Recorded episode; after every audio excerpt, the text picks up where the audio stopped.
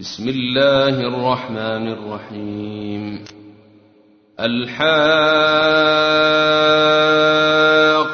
ما الحاقة وما أدريك ما الحاقة.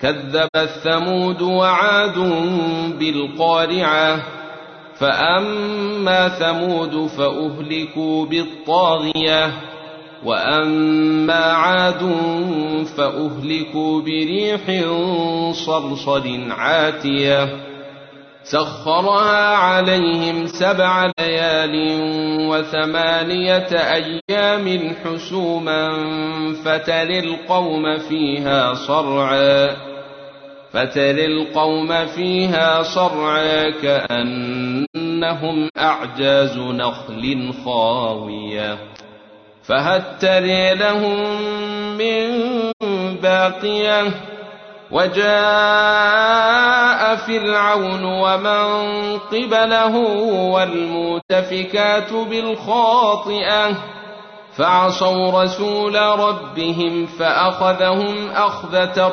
رابية. إنا لما طغى الماء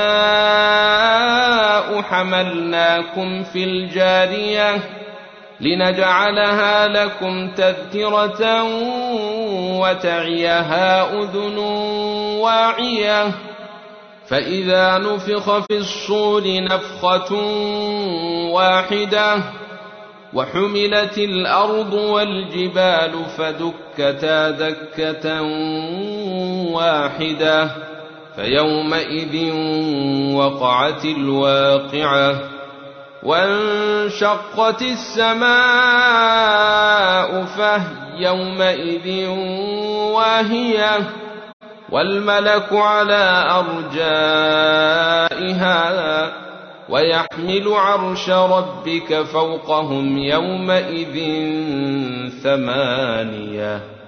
يومئذ تعرضون لا تخفى منكم خافية.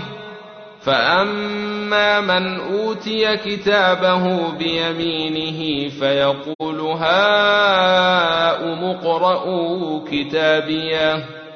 إني ظننت أني ملاق حسابيه فهو في عيشة راضية في جنة عالية قطوفها دانية كلوا واشربوا هنيئا بما أسلفتم في الأيام الخالية.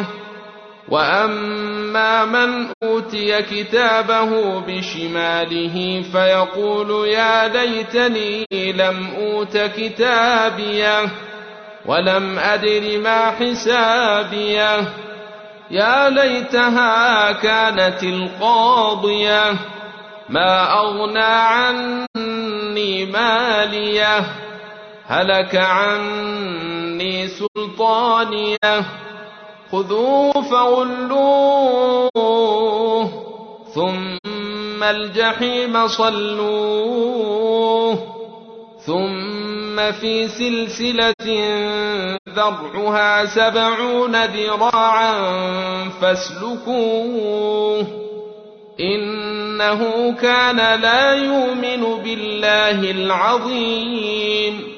ولا يحب على طعام المسكين فليس له اليوم هاهنا حميم ولا طعام إلا من غسلين لا ياكله إلا الخاطئون فلا أقسم بما تبصرون وما لا تبصرون إنه لقول رسول كريم.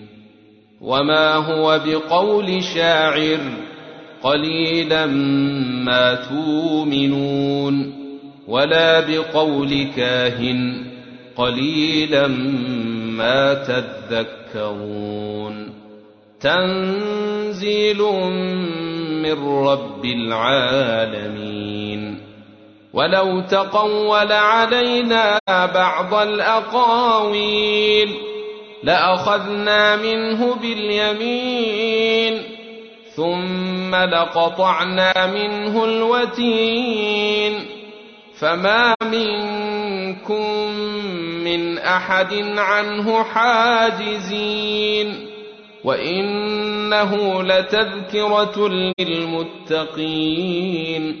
وأنا لنعلم ان منكم مكذبين وانه لحسره على الكافرين وانه لحق اليقين فسبح باسم ربك العظيم